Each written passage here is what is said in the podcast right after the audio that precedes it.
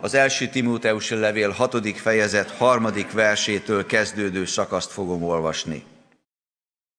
Ha valaki tévtanokat hirdet és nem tartja magát a mi Urunk Jézus Krisztus egészséges beszédéhez és a kegyességhez illő tanításhoz, az felfuvalkodott, és nem tud semmit, hanem a vitatkozás és a szóharc betegségében szenved, amelyből irítség, viszálykodás, istenkáromlás, gonosz gyanúsítás származik. Ezek megbomlott elmélyű és az igazságot elvető emberek torzsalkodásai, a kigyességet a nyerészkedés eszközének tekintik. Valóban nagy nyereség a kegyesség megelégedéssel, mert semmit sem hoztunk a világba, nem is vihetünk ki belőle semmit. De ha van élelmünk és ruházatunk, elégedjünk meg vele. Urunk, köszönjük a Te ígédet, és arra kérünk, Szentlélek Isten, hogy Te tolmácsold azt mindannyiunk számára. Amen. Kedves gyülekezet, én is szeretettel köszöntök mindenkit a szabadságolások időszakának a vége fele. Mi is tudtunk egy kicsit családilag pihenni, és nekünk nagyon-nagyon jól e, e, sikerült. Ez együtt lehettünk, együtt az egész családunkkal, és e, így ilyen módon is frissülhettünk. Nem ebből a közegből, hanem ehhez az igéhez kapcsolódva szeretnék valamit mutatni.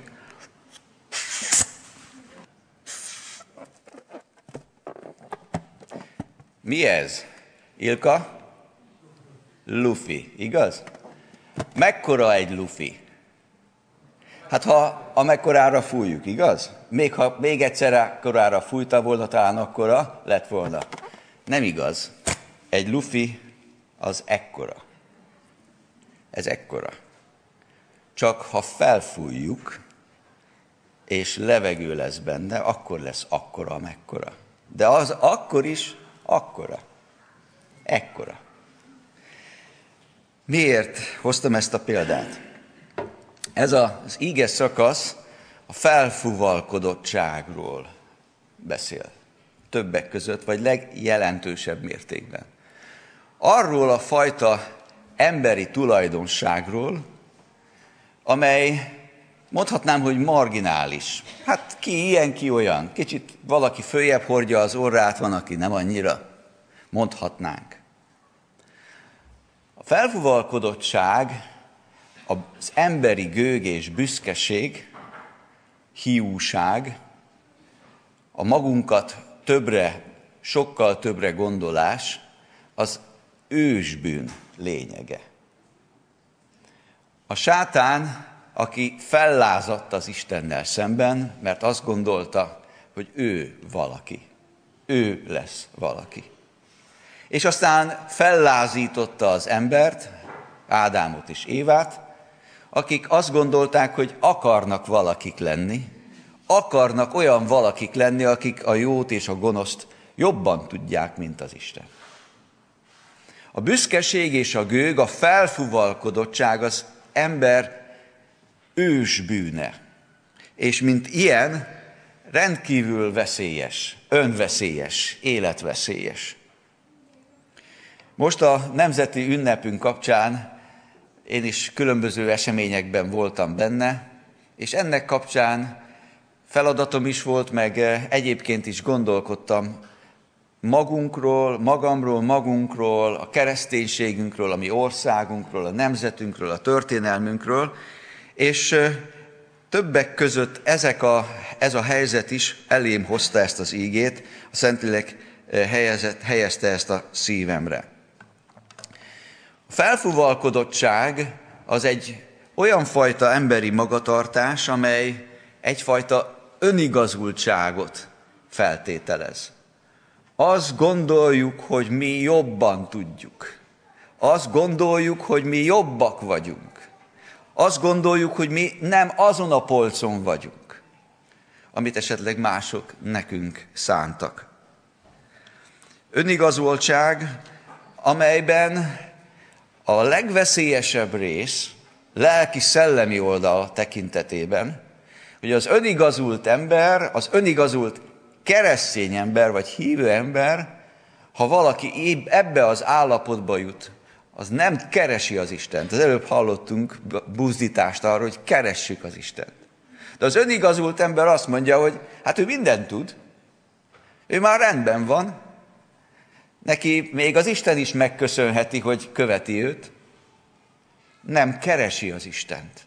Nem így gondolkodik, fordítottan ül a lón, lovon.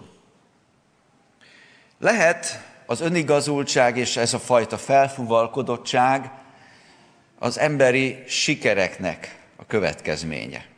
A héten az áhítat szerint Dániel, vagy az elmúlt időszakban Dániel könyvéből olvastunk, és Nabukadnecár királyról is többek között, aki nagy hatalomra jutott, és egy nap a palotájába sétálgatva körbenézett, bár Isten figyelmeztette őt előre, azt mondta, hát mindez, amit én alkottam. És büszkén, gőgösen nézett szembe, szerte széjjel. A hatalom, amely megadatott neki, és a siker, amely megadatott neki, az elvitte olyan irányba, hogy a felfuvalkodottság, a gőg, a büszkeség, az önzés és a hiúság bűnébe esett, és ennek meg lett a következménye. Ezt éppen akkor olvastam, eh, amikor a, a Bencúr 30-ba, az új irodába beköltöztem, és eh, kinéztem az ablakon, és akkor ez az íge jött elém, és, eh, és nagyon, figyelm, nagyon komolyan figyelmeztetett. Nem kell nekünk paloták sokasága fölött rendelkeznünk ahhoz, hogy elgaloppírozzuk magunkat, hogy büszkévé és gőgössé váljunk. Nem kell nekünk hatalmas vagyon ahhoz, hogy eltévedjünk ezen. Elég csak a magunk kicsi sikerei és az eredményei fölött túlzottan magabiztossá lennünk, és felfuvalkodni. Pedig a lufi az csak akkora, amekkora. Nem akkora, amelynek látszik. Aztán persze a felszínesség, a lelki-szellemi felszínesség is okozhatja a felfuvalkodottságot az ember életébe. Amikor nem figyelünk, nem érzékeljük az Isten valóságos jelenlétét, nem a teljességet látjuk, az önismeretnek a hiánya és az önvizsgálatnak a hiánya. A példabeszédek könyvének a 16. fejezetének a 18. versében ezt olvashatjuk. Az összeomlást gőg előzi meg, a bukást pedig felfuvalkodottság. Az az ember, aki ilyen módon, ezen az úton indul el, és így gondolkodik saját magáról, annak következménye van. Ez nem csupán egy rossz emberi tulajdonság, ami miatt figyelmeztet bennünket az Isten, hanem ez a jövőnk veszélyessége. A bukást hordozza magában, a bukásnak a veszélyét hordozza magában. Az Istentől való elfordulást, hogy az életünknek sokféle bukását hordozhatja annak a veszélyét hordozza magában. A történelemben látjuk azt, hogy uralkodók, de akár nemzetek milyen helyzetbe kerültek akkor, amikor felfuvalkodottak lettek. Gondoljunk azokra a nagy nemzetekre, amelyek ma már a múlté. De imádták saját magukat és mindazt, amit elértek amit megvalósítottak. És azokat, az urakat és uralkodókat, akik mindebben eszközök lehettek. És akkor, amikor egy nép és egy nép vezetőinek a tudatában ez a fajta gondolkodásmód mélyen beépül, és ilyen módon felfuvalkodottá lesz, az a bukást előzi meg. Ez a történelemnek a tanulsága.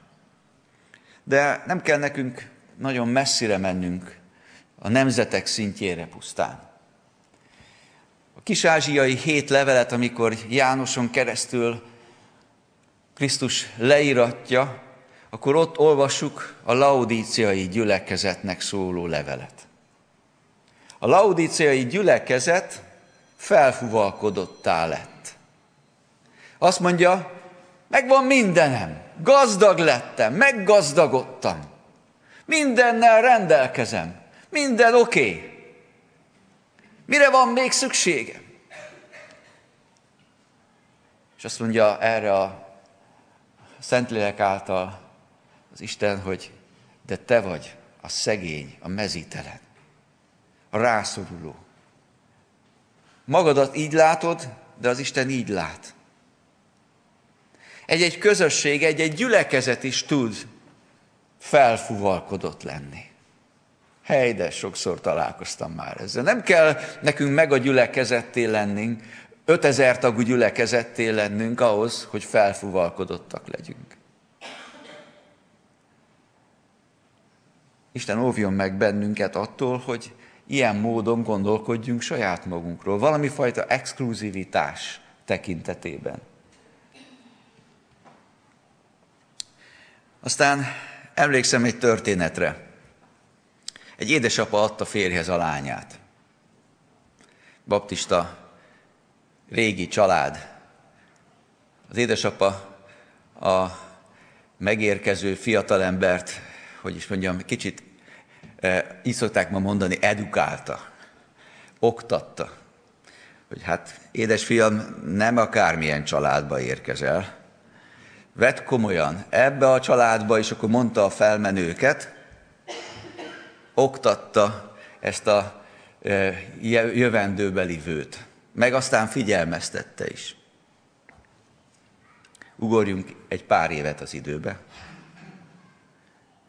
Ebben a családban mindkét gyereknek a házassága tönkrement. És a büszke apuka, aki büszke volt a családjára, meg arra a nagy baptista felmenőkre, hát nem a baptista felmenők szerint viselkedett, meg a gyerekei sem. Szóval lehet ilyen területen felfuvalkodottá válni. Hogy a mi családunk, hogy amit mi elértünk. Az ige azt mondja, hogy a felfuvalkodottsággal szemben ott van az Isten kegyelme. A kegyelem áll szemben a felfúvalkodottsággal. Az az ember, aki felfúvalkodott, aki gőgös, aki büszke, aki magát másképpen látja és láttatja, az az ember nem nyúl a kegyelem után. Miközben mindannyiunknak az Isten kegyelmére és megtartó szeretetére van szükségünk. Az Isten kegyelme tette lehetővé azt, hogy az vagyok, aki vagyok. Az Isten kegyelme adta meg azt a lehetőséget, hogy azt tehessem, amit teszek az Isten kegyelme hozott azokba a helyzetekbe, amikben élhetek és élhetünk. Az Isten kegyelméből formálódik az életünk. Az Isten kegyelme helyezte a mi népünket ide ebbe az országba, hiszen arról olvasunk, hogy ő határozta meg a nemzeteknek az életét, határait. Az Isten kegyelmére szorulunk egyénenként, családilag, közösségileg, de társadalmilag is. az Isten kegyelmére sokkal inkább szükségünk van. Lehet, hogy valaki erre fölteszi a kérdést, de hát e, kell, hogy legyen egy önbecsülése, egy értékelése az embernek, természetesen. De a felfuvalkodottság az nem erről szól. Az ember egészséges önértékelése, önismerete és önbecsülése az Isten akarata szerinti. De a felfuvalkodottság a gőg az olyan, mint a lufi. Többet mutat, de csak egy pici kis hegy kell, és azonnal, azonnal szinte semmivé válik. Az olvasott igében azonban figyeljük erre, nem is annyira csak az általában véve a felfuvalkodottságról és a büszkeségről vagy a gőgről, hanem ennek egy olyan fajta lelki-szellemi következményéről olvashatunk, amely az Isten igéjével, az Isten kijelentésével van összefüggésben. Mégpedig arról szól, hogy azok, akik ilyen módon élnek, gondolkodnak, felfúvalkodottak és gőgösek, azok az Isten tanítását, az egészséges beszédnek az igazságait, azokat nem tartják alapvetőnek, meghatározónak, hanem elrugaszkodnak ezektől. És aztán ennek következtében mindenféle beszéd és aztán mindenféle szóharc, vitatkozás és torzsalkodás lesz a következménye. Hányszor és hányszor láttuk már azt, hogy valaki okosabb még az Istennél is. A Biblia nem beszél róla, de ő tudja. Összerakja a kijelentést. Összerakja a maga gondolatait. Akik a szóharc betegségében szenvednek. A vitatkozás betegségében szenvednek. Felettébb bölcselkedni. Amikor valaki úgy látja, úgy gondolja saját magát, hogy nem ismeri fel, hogy mindan, mindannyiunknak alázatra és az Isten kegyelmére eh, van szükségünk, akkor azt gondolja, hogy mindent tud. Pedig az igazság az, hogy alázatra van szükségünk, és azt meg kell vallanunk, hogy nem tudunk. Nagyon sok mindent nem tudunk.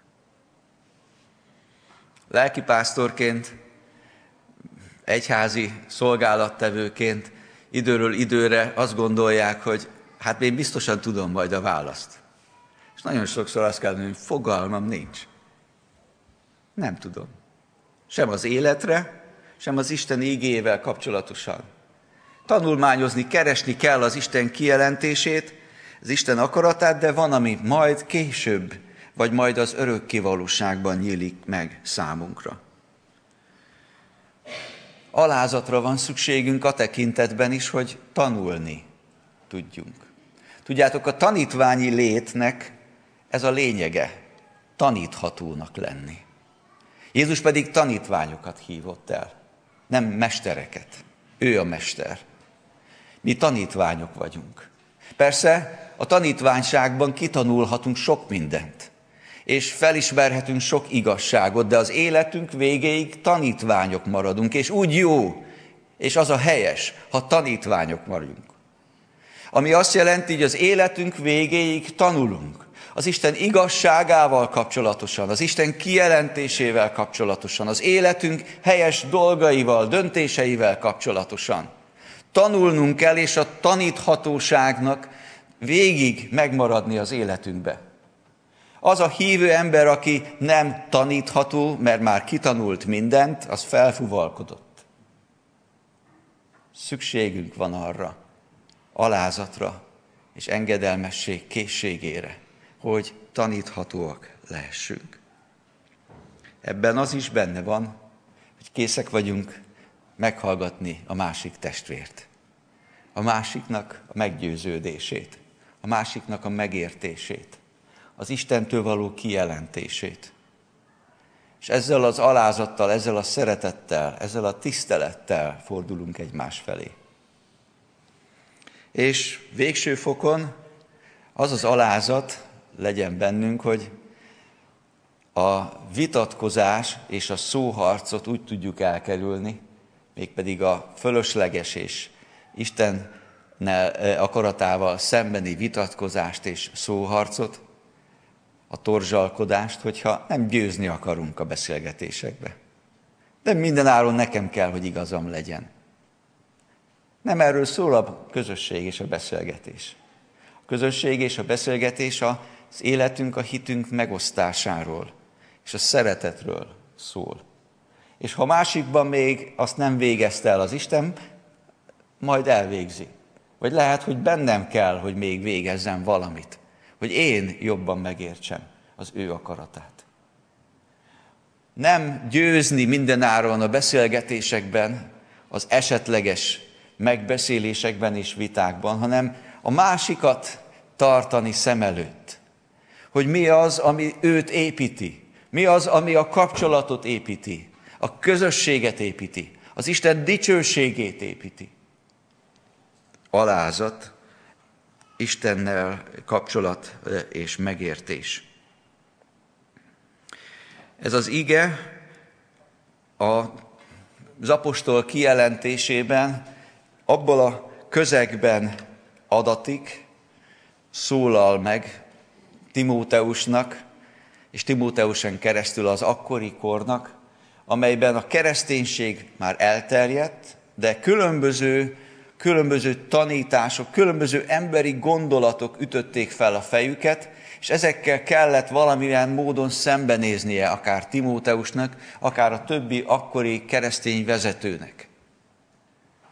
És akár a zsidóságnak a hatása, akár a gnoszticizmusnak a hatása, vagy különböző gondolatoknak, mint például szintén a Timóteusi levél, levelekben olvashatunk arról, hogy voltak olyanok, akik már azt gondolták, hogy már az Úr Jézus Krisztus föltámadt, és, és hogy ő visszajött, bocsánat, visszajött, és ilyen módon már nem kell várni őt. Voltak olyanok, akik pedig azt mondták, hogy, hogy hát tulajdonképpen nem is kell dolgoznunk, majd, majd visszajön az Úr. És sokféle, mindenféle emberi gondolat, emberi tanítás megjelenik. És ezekben a, a, a sok, sokszínűségben kell valahogy az Isten igéjéhez e, igazodni, és az apostol arról beszél, hogy ezeknek a tévtanításoknak a gyökere, az nagyon-nagyon sokszor nem abban rejlik, hogy valaki jó szándékú és véletlenül elvétett valamit a megértésben, hanem elszakad az Istentől, és a saját gondolatait kezdi el mondani, és gőgösen azt képviselni. Éppen ezért a mában, amikor nem kérdés, hogy legalább ilyen korban élünk, amikor, amikor azzal szembesülünk, hogy mindenkinek megvan a maga Isten képe, amikor azzal szembesülünk, hogy a legtöbb ember körülöttünk vallásos a maga módján. És ez azt jelenti, hogy mindenkinek van egy teológiája. És egy teológiával összefüggően egy élet gyakorlatra vonatkozó elképzelése. És ezek a gondolatok, ezek a felépítmények ott vannak körülöttünk az embereknek az életébe. És mi hirdetjük, képviseljük az evangéliumot, az Isten ígéjét. Hogyan mind szembesüljünk ezzel? Isten óv bennünket attól, hogy mi ön vagy maga biztosak legyünk, hanem építsünk a kegyelemre. Ne lépjünk bele a szóharc, a vitatkozás, a torzsalkodásnak az útjába hanem hirdessük, képviseljük az Isten evangéliumát, szeretettel, tisztelettel, de alázattal, az Isten iránti alázattal, mert Isten a kevélyeknek ellenáll, olvassuk Jakab levelében, az alázatosoknak pedig kegyelmét adja. Engedelmeskedjetek azért az Istennek, de álljatok ellene az ördögnek, és elfut tőletek. Elfut tőletek. Ez az ige nem csupán arról beszél, hogy eh, milyen fontos az alázat, az Isten felé, az Isten iránti alázat, amelynek bizonyára megvan az emberi közösségben a megfelelő vetülete. Hanem arról is beszél, hogy Isten mindezt ezen keresztül eh, az lelki egészséget munkálja, a kegyelmét adja, az Isten áldását adja arra az emberre, aki ilyen úton jár. Ahogyan e, az alap e, ígében, az olvasott ígében olvashattuk, hogy e, nem tartja, ezek az emberek nem tartják magukat az Úrunk Jézus Krisztusról szóló egészséges beszédhez és a kegyességhez illő tanításhoz. Az egészséges beszéd, az egészséges élet, az egészséges tanítás – lelki, szellemi értelemben, amire Isten hív bennünket.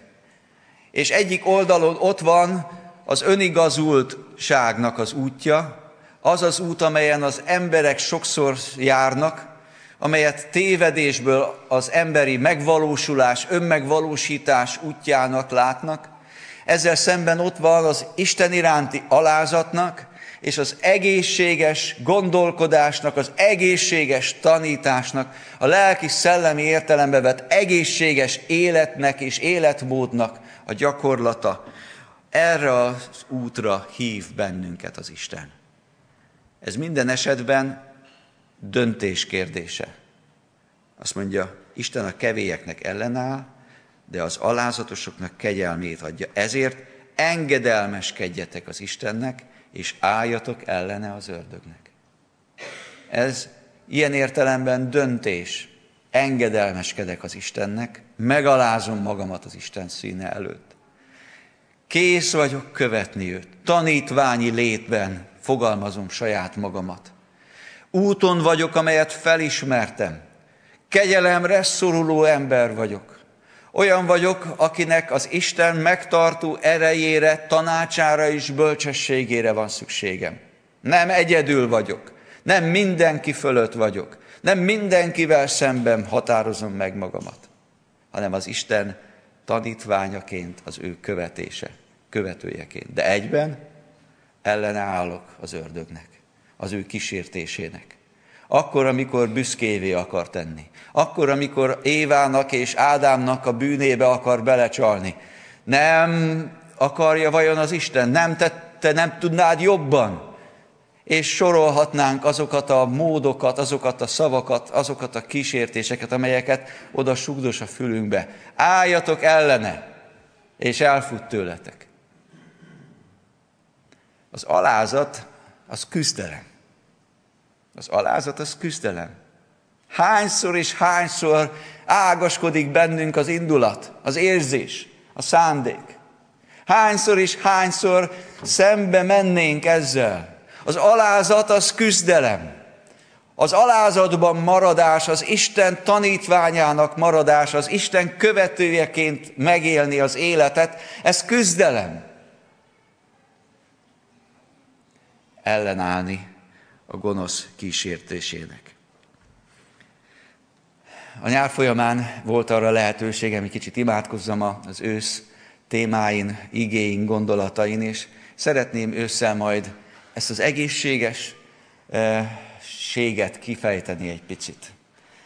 Igéken keresztül. Mit jelent az egészséges lelki élet? Mit jelent az egészséges gondolkodásmód? Mit jelent az egészséges lelki, egészséges életszemlélet? Hogy lehet egészséges a közösségünk? Hogy lehet egészséges a mi szolgálatunk?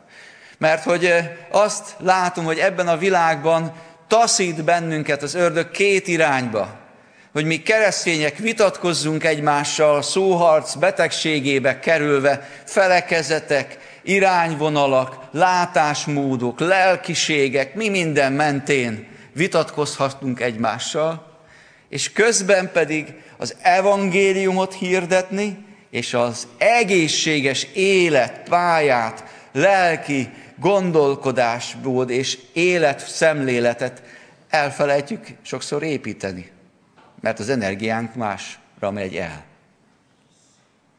Isten arra hív bennünket, hogy alázattal hozzáigazodva, úgy, ahogyan az igében olvastuk, az egészséges beszéd, a kegyességhez illő tanítás, ehhez kapcsolódó életszemlélettel élnünk. És ez kimunkálja, kimunkálhatja a megelégedettséget. A megelégedettség nem azt jelenti, hogy tétlenek legyünk. Nem a talentumokkal kapcsolatosan, amit Péter említett, hogy azokat elrejtsük. Nem ilyen értelemben vett megelégedettség, hanem annak a fajta e, ima meghallgatásnak a hála adása, az érzete bennünk, azt mondjuk a mi atyánkban így mondja az Úr Jézus, ad, így imádkozzatok, add meg nekünk, mi, micsodát? Mindennapi kenyerünket. Luther azt mondta, hogy tanított erről, hogy a mindennapi kenyér az nem pusztán az a kenyér, a leba, hanem a kenyér az jelenti az életet, a házat, a munkát, a családot, a jó kormányzást, azt, amit ami kell az mindennapi élethez.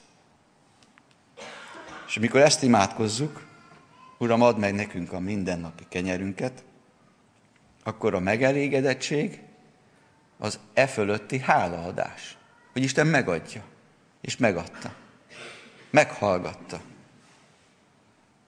És lehet, hogy különböző az élethelyzetünk, különböző a társadalmi szintünk, különböző a, a munkahelyi besorolásunk. Nem ez a kérdés. Imádkoztunk, és az Isten meghallgatta. És ezért hálásak vagyunk. És ezért megelégedettek vagyunk. Azzal, amit kaptunk. És ez nem jelenti azt, hogy a mi aktivitásunk nem lenne benne ezer százalékkal a mindennapi életbe. És igyekeznénk előre. De mindezt úgy tesszük, hogy megelégedetten az Isten kezéből fogadva mindezt. Az az ember, aki megelégedetten éli az életét, az a tálemtuvaival is jobban tud, jobban tud gazdálkodni. Mert az az ember, aki nem megelégedett, az a tálemtumaival sem fog. Nekem miért nincs az? Neki miért van az? Én mit kezdjek ezzel a kevéssel? Megelégedettség, amely aztán hálaadást szül az Isten felé. Bennem, meg együttesen másokban is. Szóval mekkora egy lufi? Mekkorák vagyunk, mi emberek? Mennyit tudunk? Mit értünk el? Mire vagyunk képesek? Azt mondja a Biblia, minden test olyan, mint a fű. Ha ráfúj a szél, elmúlik. Látnunk kell határainkat, látnunk kell kicsinségünket, és elfogadnunk az Isten kegyelmét, hálaadással, tanítványként hozzászabni magunkat egész életünk során, és így követni az Urat. Engedelmességben és az ördögnek való ellenállásban, megharcolva egész életünkön keresztül azt, hogy az Isten iránti alázattal tudjuk megélni, és tudjuk megfutni azt a pályát, amire Isten hívott bennünket.